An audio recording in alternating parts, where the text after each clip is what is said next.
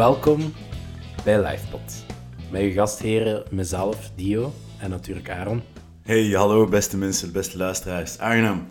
Ja, Dio, we zijn er weer voor het derde hoofdstuk van 12 Rules of Life van Jordan Peterson. Kijk hier een beetje naar uit. Ja, natuurlijk. Ik vond het wel een boeiend hoofdstuk. Maar misschien, voordat we daarover beginnen, uh, kunt jij eerst nog een samenvatting geven van de vorige twee. Dat is uh, een heel goed idee. Natuurlijk beginnen we met nummer 1, zoals uh, we, we, leren tellen.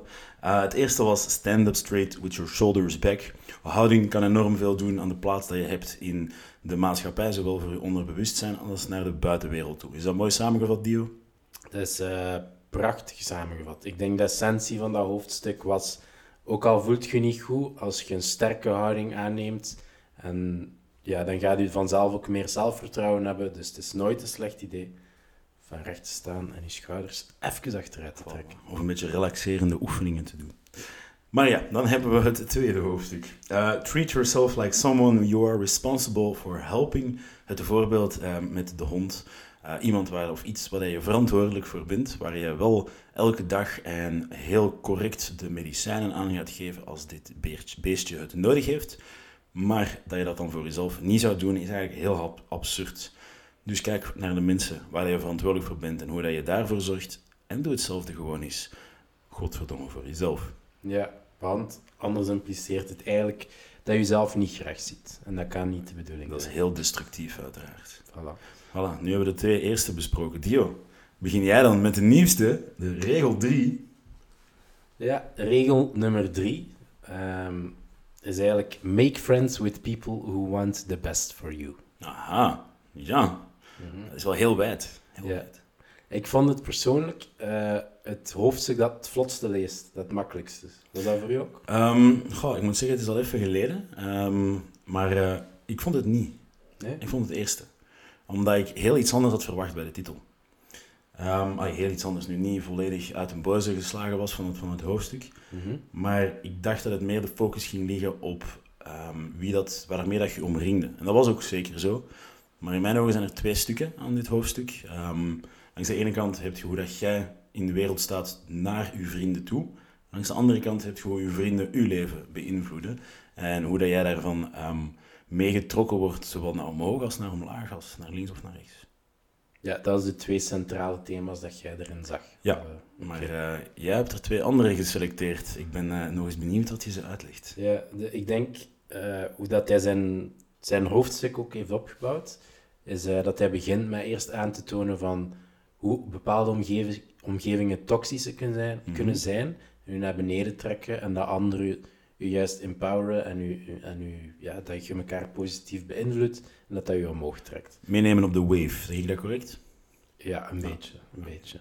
Eh, en dan als laatste geeft hij ook een waarschuwing in het hoofdstuk van eh, wat er gebeurt als je mensen helpt of als dat de basis is van je relatie met iemand is. ah, Oké, dat is iemand dat ik altijd help. Omdat dat niet altijd met de juiste intenties is dat je dat doet, ook al denkt je zelf van wel. Ja, al kun je daar heel hard van overtuigd zijn. Ah, heb je al eens iemand geholpen dat je achteraf dacht van... Dat is toch niet helemaal uitgedraaid zoals ik gehoopt had. Het is vaak. Inderdaad. Ik denk dat we daar allemaal schuldig aan zijn. Ja. Ehm, ik heb er zeker meer als genoeg. En het gaat ook heel specifiek ook, eh, over het helpen van, van vrouwen als man. Dat je heel snel in die rol eh, terechtkomt. Ehm, wat ik persoonlijk mijzelf wel in kan vinden. Nu is dat minder, Mhm. maar eh, ik weet dat ik zeker als, als puber heel geneigd was om mijn vrouwelijke tegenhangster, om het zo te zeggen, wou helpen. Terwijl ik daar eigenlijk helemaal geen recht toe had om dat te willen doen. Mhm. Ehm, willen misschien wel, moeten doen. Het voelde meer als een must dan een I can. Oké. Ja. Goed, dat is een leuk weetje over Aaron. Dat- denk- Vind jij daar jezelf niet in terug? Heb jij dat nooit meegemaakt? Eh, ik denk dat ik sowieso wel mensen voor, eh, voor de verkeerde reden heb geholpen. Oh, ik dat zijn denk, verkeerde redenen. eh, ja, ik stel voor dat we daar straks even op terugkomen. In het tweede deel, dat is goed. Yes. is En dat we nu gewoon even die structuur volgen. Van wat zijn goede omgevingen, wat zijn slechte omgevingen, en daarna gaan we daarop terugkomen. Yes, Ik beloof dat ik eh, mijn antwoord geef. Dat is dan in het tweede deel. ik kan niet wachten. Dus, hoe vertelt Jordan Peterson over wat, eh, wat mo- moeilijke omgevingen zijn of slechte omgevingen? Eh, hij gebruikt eigenlijk individuele storytelling. Mhm. Dat is een heel chic woord om te zeggen dat hij zijn eigen leven als voorbeeld gebruikt. En hij gaat het eigenlijk hebben over zijn puberteit en het klein, koud Dorp. dorpje dat hij in leeft, waar dat in de winter staat zodanig koud is, dat als je één voet uit de deur zet en je haar is nog wat nat, dat direct bevriest. Ja, hij leeft, in, hij leeft de en leeft nog steeds in Canada trouwens. Het is Ja. daar heel koud. Inderdaad, in een heel koud deel van Canada. Ja, het meeste is heel koud. Wist je dat trouwens? Wat is het? 98% van heel de bevolking leeft op de zuidelijke grens met Amerika? Dat de rest echt gewoon onbewoonbaar koud is? Eh, je bedoelt op die hoogte, of wat bedoel je? Ja, zo de, de hoogte van Quebec, dus Frans-Canada en dan is het Toronto, meer bij... Ah, de- 98% van de Canadezen. Ja, inderdaad. Sorry dat ik misschien wel moet verduidelijken. Nee, oké. Ehm, maar eh, ja, dat is wat ik wou zeggen. Nee, dat wist ik niet. Goed, goeie weetjes vandaag. Vind ja. je dat behulpzaam? Nee. Nee. Wel, chance dat ik nu aan het proberen helpen word. Eh, maar het is wel een leuk weetje. Dat is ook de laatste keer dat ik een beetje deel met u. Ja. Is in een van de hoofdstukken zo van hoe doet je je, je mede, allee, je maat, eh, je goed, vo- goed doen voelen? Want, eh, Nee, maar dat is, dat is juist niet wat dat goed is. Maar daar komen we straks ah ja, ik hoop het, want ik heb duidelijk eh, niks geleerd. Eh, de, ehm, dus, ik zei, hij begint met slechte omgevingen te omschrijven. Ja. En eh, hij haalt het voorbeeld aan van zijn eigen puberteit in dat koud dorpje. Eh, en ik, ik denk dat dat... Dat is iets waar ik mij al sinds in, in herinnerde, Mhm. Of in herkende, om juist Nederlands te gebruiken. Is zo, er is een bepaalde leeftijd rond de puberteit dat plots de prioriteiten van iedereen volledig shift Ja, plots is het enigste wat er nog toe doet. Hé, hey, naar welk feestje gaan we dit weekend? ja. Ja, Meer een, een dat, is, dat is die, die, ja, die plotse explosie van emotie die je krijgt als puber. ja. Dat je zo denkt van, ik wil dat doen en dat is kei slecht, maar ik wil dat doen. No! Ik Ja. dat, was, dat is ook bij mij uit mijn eerste sigaret gekomen, mijn eerste training dat ik geskipt heb. ja. Ehm, ja en- inderdaad. Ja. Zeker zo dat van die trainingen. Want daarvoor was het nog cool om zo te zeggen... eh, ja, nee, ik ga drie keer in de week eh, gaan basketten en in het weekend speel ik dan nog een match ook. En dat is zoiets waar dat je zo echt Ja. naar, eh, naar, naar opkijkt dan. ja, maar vergeet niet dat dat dan vanuit je wereldbeeld is. Want ik, Mhm. er waren nog wel veel gasten die wel nog altijd vijf keer in de week gingen gaan trainen Mhm. en daar zich gaan vasthielden. Ja. En ik denk dat dat dan de tweede kant is van het verhaal. Je hebt, je hebt langs de ene kant de, de groep die je naar beneden trekt en je hebt de groep die je naar omhoog trekt. Mhm. Ehm, maar jij bent nooit de enige geweest die echt veel gestopt is met, met training. Heb jij veel trainingen geskipt? Ehm, Ik hoop dat uw mama niet meeluistert. Ja, maar zij, zij weet dat ook.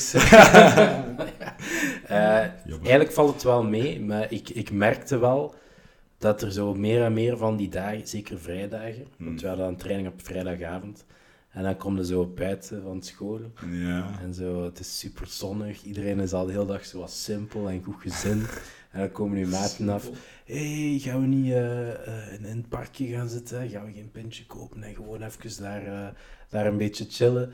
En eh, dat is de, de, de leeftijd dat, dat, ik, dat ik daar zo toch wel zo aan begon te twijfelen. Ik ben vaak Aan wat braaf begon je te twijfelen? Of En- dan naar de training te gaan?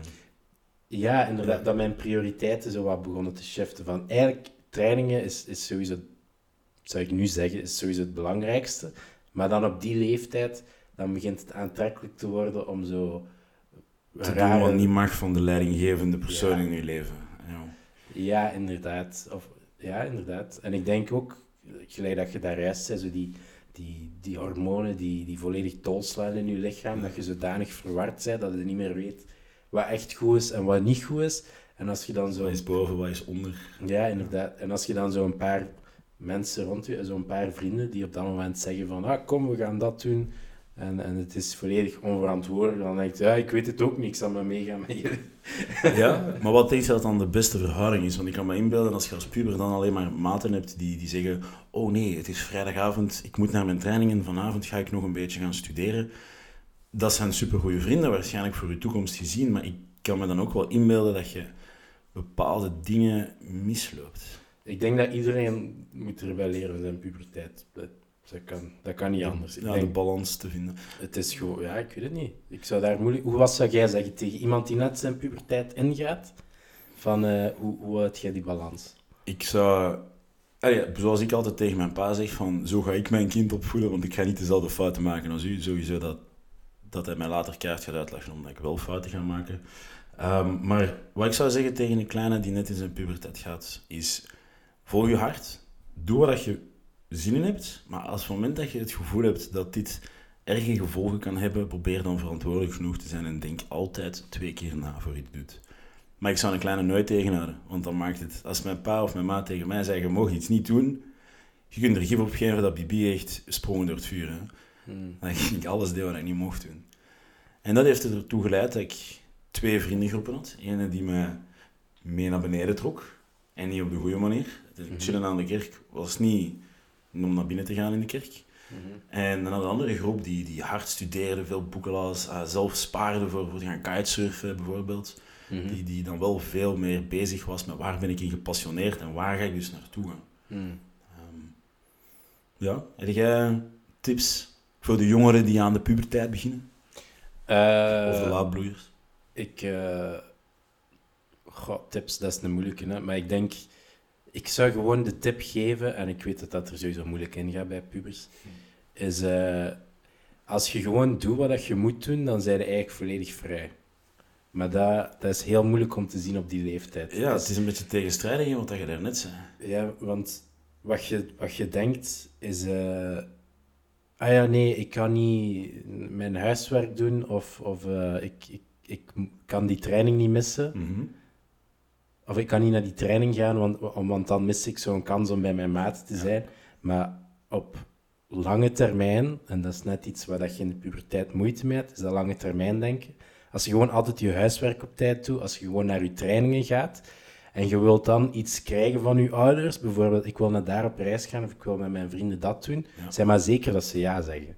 Ja, maar dan wat je moet doen, is dan op dat moment als puber in de ogen van je leidinggevende, je ouders of, of je voogd of god weet wie. Mhm. Maar ja, als je bijvoorbeeld moeten naar de training gaan, dat zou voor mij echt zoiets zijn van ik moet niks als mhm. puber.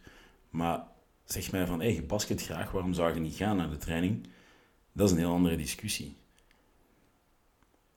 Ja. ja maar bon, we zijn aan het afwijken naar puberaal gedrag, dat is niet de bedoeling.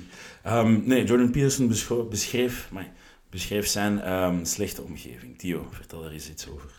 Ja, maar ik denk dat we, dat we, dat we de essentie al gezegd hebben. Dat is niet het voorbeeld van de puberteit, maar dat is, dat is iets wat je op volwassen leeftijd ook hebt. Hè.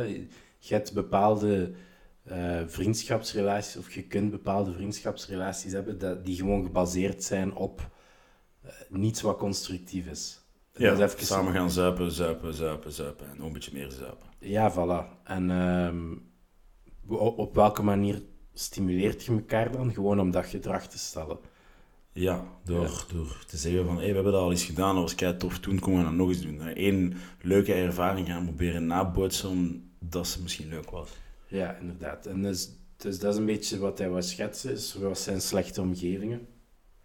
Uh, en dan iets verder in het hoofdstuk, dan toont hij wat betere omgevingen zijn. En voor zichzelf haalt hij dan aan het moment dat hij in de universiteit kwam en dat hij met zijn vrienden een studie, uh, hoe noemt hij dat? Studentenvereniging. Ja. Wow. uh, ik heb duidelijk nooit in gezeten.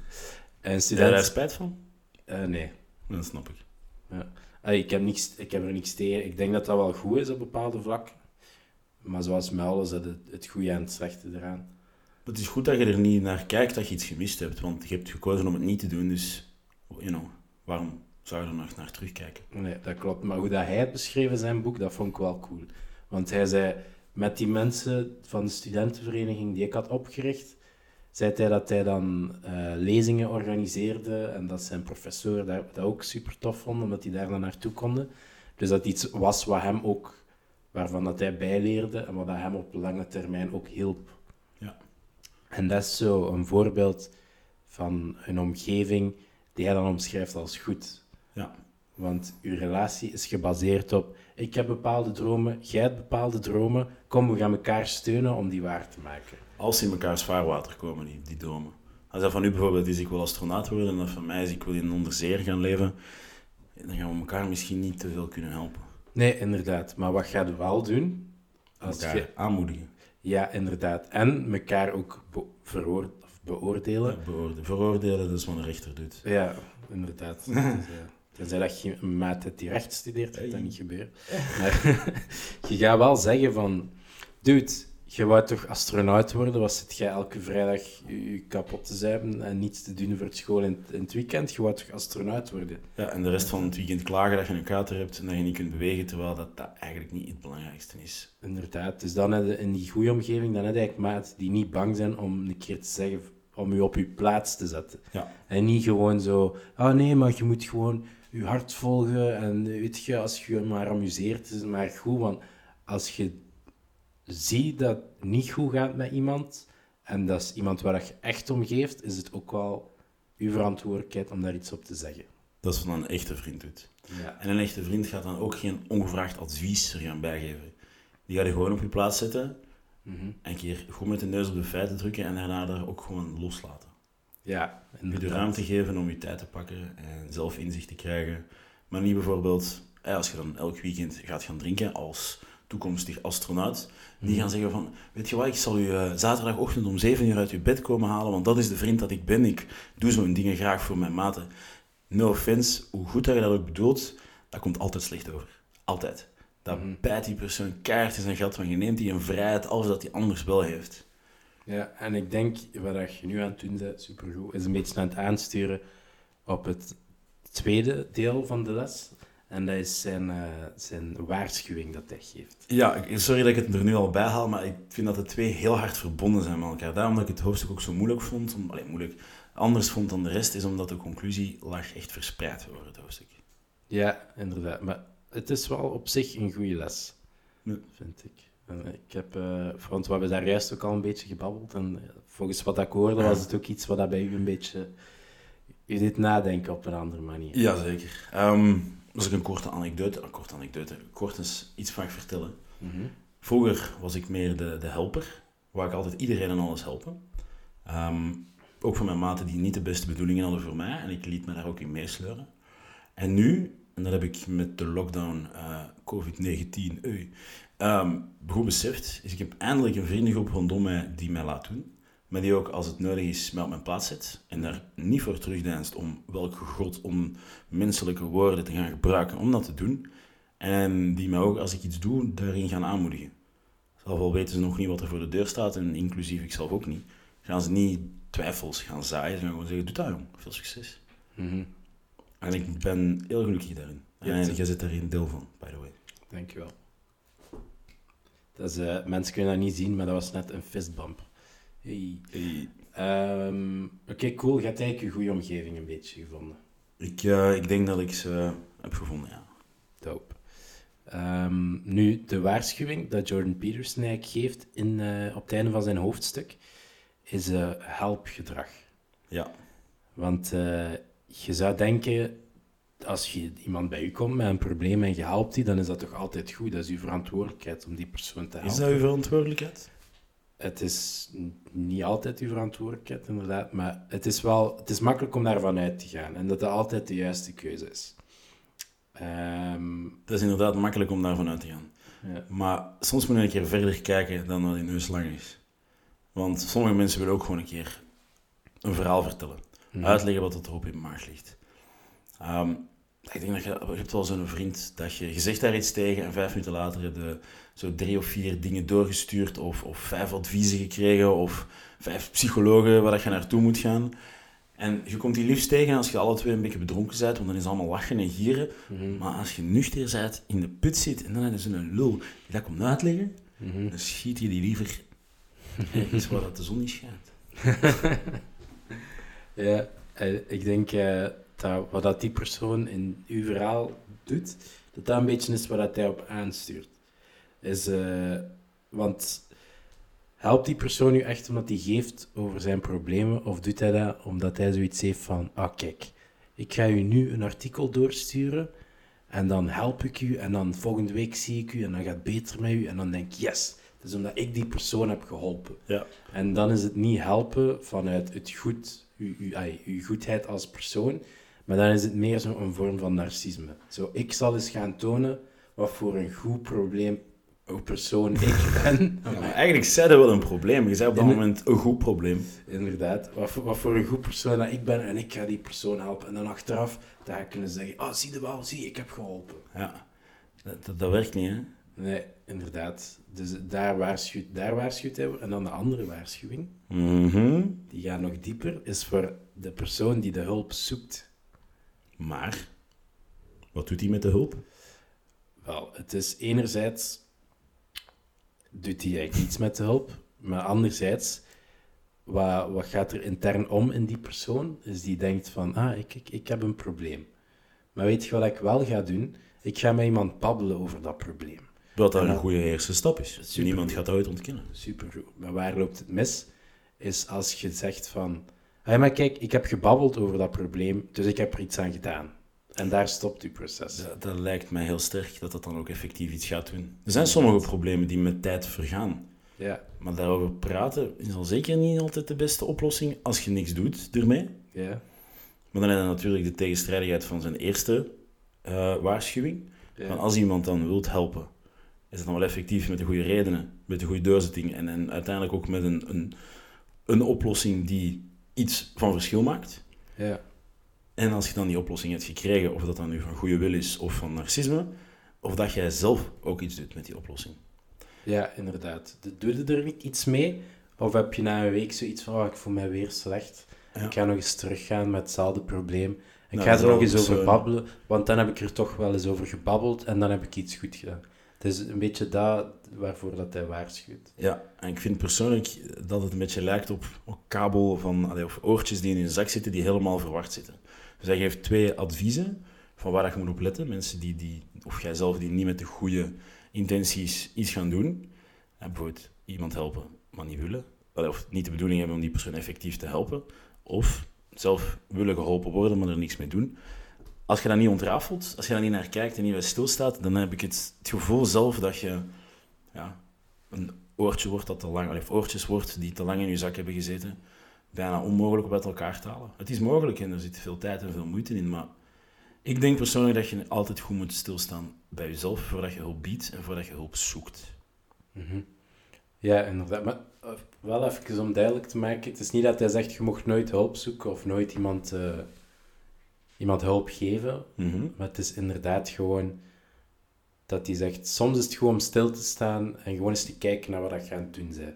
Zijn je echt, echt aan het helpen? Mhm. Of wil je gewoon even goed voelen en wil je daarom iemand he- helpen? Zijn je echt hulp aan het zoeken? Of wil je gewoon even je goed voelen over het feit dat je babbelt over je problemen en ga je dan verder om gewoon hetzelfde te doen? Maar als je die vraag aan iemand stelt, die zeker een narcist, dan gaat hij sowieso zeggen, nee, ik doe dat niet. Ik ben anders. Ik help om mensen te helpen omdat ik een goed persoon ben. Ja? Ja, ik denk ook niet dat het aan ons is per se om mensen daarop te wijzen. Nee, want dan ga je die eerste persoon worden. Maar ik denk wel dat het heel goed is om onszelf gewoon die vraag af en toe te stellen. Misschien best een eerste vraag is, wilt die persoon wel geholpen worden? In de psychologie is het algemeen de regel van je moet niet proberen iemand te gaan helpen als die niet geholpen wilt worden. De eerste stap, de, voorcondi- de condities voordat je kunt beginnen aan je veranderingsproces is, wilt die persoon geholpen worden? Ja. Ik denk wel als je, dat je dat makkelijk ziet als iemand niet ge- geholpen wil- wilt worden. Want dan is dat zo, ik kom naar u met mijn verhaal en ik ben gewoon te ratelen, Ja? zonder zo echt vragen te stellen. Ja? En dan denk ik, oh merci, dat, is, dat was echt een goede babbel. En dan denk ik, maar en dan, na een week komt die terug. Ja? Ja. Ik denk dat je dat gedrag wel snel herkent. En dat dan gewoon belangrijk is om te, aan te geven van, kijk, ik ga niet uw, eh, uw, uw post van ontlasting Ja? toi toi toiletten. eh, zijn voor, voor, voor al uw issues, week na week opnieuw, als je er niets aan gaat doen. Eh, nee, kijk, ik denk om samen te vatten, het is misschien wel goed dat we dat nog even samenvatten,